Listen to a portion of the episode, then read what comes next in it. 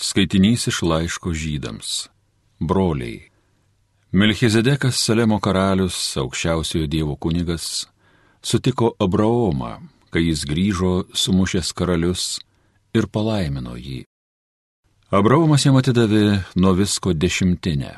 Išvertus jo vardą, jis pirmiausia teisumo karalius, paskui Salemo arba ramybės karalius, be tėvo, be motinos, be kilmės sąrašo, neturintis nei dienų pradžios, nei gyvenimo pabaigos, panašus į Dievo sūnų. Jis lieka kunigas per amžius. Tai dar labiau paaiškėja, kai iškyla kitas kunigas, panašus į Melchizedeką. Tapęs kunigu nekūniško įstatymo teisę, bet nenunykstamo gyvenimo galybę. Juk liudijama, tu esi kunigas per amžius Melchizedeko būdu. Tai Dievo žodis.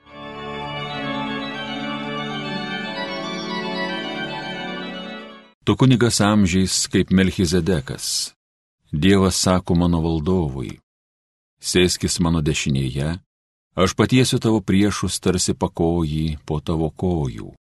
Tu kunigas amžiais kaip Melchizedekas. Dievas duos tau Sijono kalne valdovo lasdą ir tu savo priešus valdysi. Tu kunigas amžiais, kaip Melchizedekas. Nuo gimimo šventuose kalnuose viešpatausi, iš pat iššių, nuo aušros savo jaunystės. Tu kunigas amžiais, kaip Melchizedekas. Viešpats yra prisiekęs ir jis nesigailė. Tu kunigas amžiais, kaip Melchizedekas tu kunigas amžiais, kaip Melchizedekas. Alleluja, alleluja, alleluja.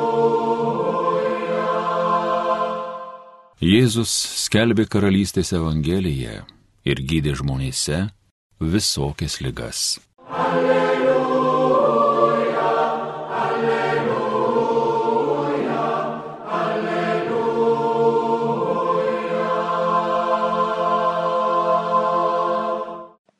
Viešpat su jumis, pasiklausykite Šventojios Evangelijos pagal Morku.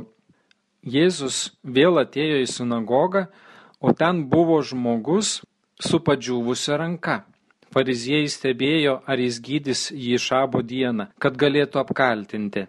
Tuomet Jėzus tarė žmogui su padžiūvusia ranka - stok į vidurį, o juos paklausė - ar šabo dieną leistina gerą daryti ar blogą gelbėti gyvybę ar žudyti. Bet anie tylėjo. Tada rūščiai juos apžvelgęs ir nuliūdęs dėl jų širdies kietumo tarė tam žmogui - ištiesk ranką. Šis ištiesė ir ranka atgyjo.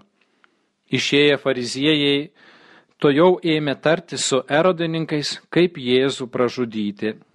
Girdėjote viešpaties žodį.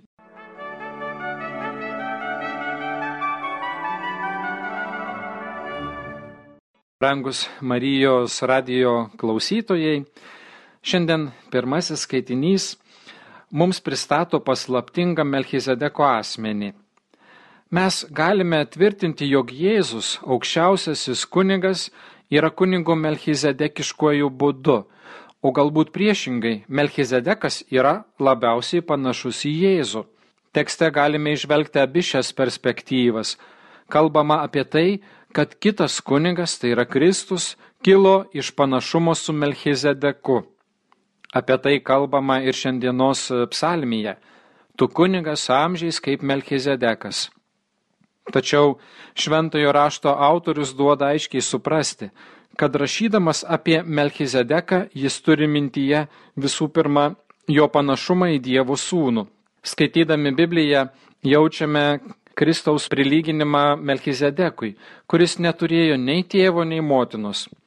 Patikslinkime, Biblija nekalba apie Melchizedeką kaip apie tą, kuris priklausytų šeimai. Neminimas nei jo tėvas, nei jo motina. Keista, nes Biblijai būdingas dėmesys pranašo ar bet kurio kito biblinio asmens genealogijai, kilmiai o juk kunigas turėjo priklausyti kunigiškai giminiai, jeigu norėjo būti kunigu. Nekalbama nei apie tai, kada jis gimė ar mirė, nieko. Šiame paslaptingame asmenyje galime išvelgti prisikėlusio Kristaus vaizdinį, jo, kuris nebeturi nei žemiško tėvo, nei žemiškos motinos. Naujo gyvenimo prisikėlus amžinybei tasai nebesvarbi žemiškoji genealogija. Prisikėlęs Jėzus yra Dievo sūnus, taip pat pagal savo žmogiškąją prigimtį ir tuo būdu taip pat išlieka amžinuoju kunigu. Girdime šiuose eilutėse, kaip svarbu buvo pirmųjų amžių krikščionims jausti gyvą sąryšį su Senuoju testamentu. Su džiaugsmu matė Melchizedeko asmenyje paties Jėzaus Kristaus atspindi ir tai teikė begalinio džiaugsmo ir suvokimą apie Dievo darbų testinumą. Suvokimą, kad Dievas išrinktąją tautą daugybę šimtmečių vedė ir ruošė šiai dienai, Kristaus ateimui į šį pasaulį bei pasaulio atpirkimui. Tai, kas nauja, yra paslėpta tame, kas sena, po kiek laiko pasakys šventasis Augustinas. O Kristus, ateidamas į šį pasaulį, nušviečia visą Senąjį testamentą. Visi dalykai, kurie atrodė tokie mistiški ir sunkiai suvokiami Senajame testamente, tampa aiškus, kadangi kiekviena pranašystė išsipildo Kristuje. Kiekvienas krikščionis kviečiamas skaityti Senąjį testamentą šioje šviesoje O beskaitant Senąjį testamentą, surasti dvasinę paguodą, žinant, jog Dievas visada išpildo savo pažadus. Tobulai išpildo. Visų pirma per Jėzų Kristų. Evangelijoje Jėzus moko, kad joks įstatymas negali uždrausti gerą daryti. Nėra tokių dienų, kuriomis nebūtų galima gero daryti. Gėrio siekiame visada, visiems, neskirstydami žmonių O kodėl šis artimo meilės įsakymas užkliūna fariziejams? Tikriausiai dėl to, kad būtų priversti pripažinti, kad Jėzaus mokymas daug geresnis nei tas raidinis įstatymo laikymasis, pagal kurį jie gyveno. Pripažindami Jėzaus mokymo pirmenybiškumą būtų turėję pripažinti, kad Jėzus yra tikrasis Izraelio mokytojas ir mesijas. O toks posūkis būtų nuvedęs prie fariziejų ir sadukėjų autoriteto praradimo jų tautos akise. Ta tikrai jiems geresnis sprendimas pasirinkti, jog Jėzus mirtų, negu prarasti savo turėtas pozicijas, postus, įtakas. Galėtume daryti išvadas, rezume. Jeigu žmogus neturi tikslo ieškoti ir pažinti tikrąją tiesą, tada bet kokia kaina siekia išsaugoti tai, ko yra pasiekęs, nemastydamas, jog galbūt galėtų gauti daug daugiau. Viešpatie, duok mums turėti atvirą ir ieškančią širdį. Amen. Garbė Jėzui Kristui.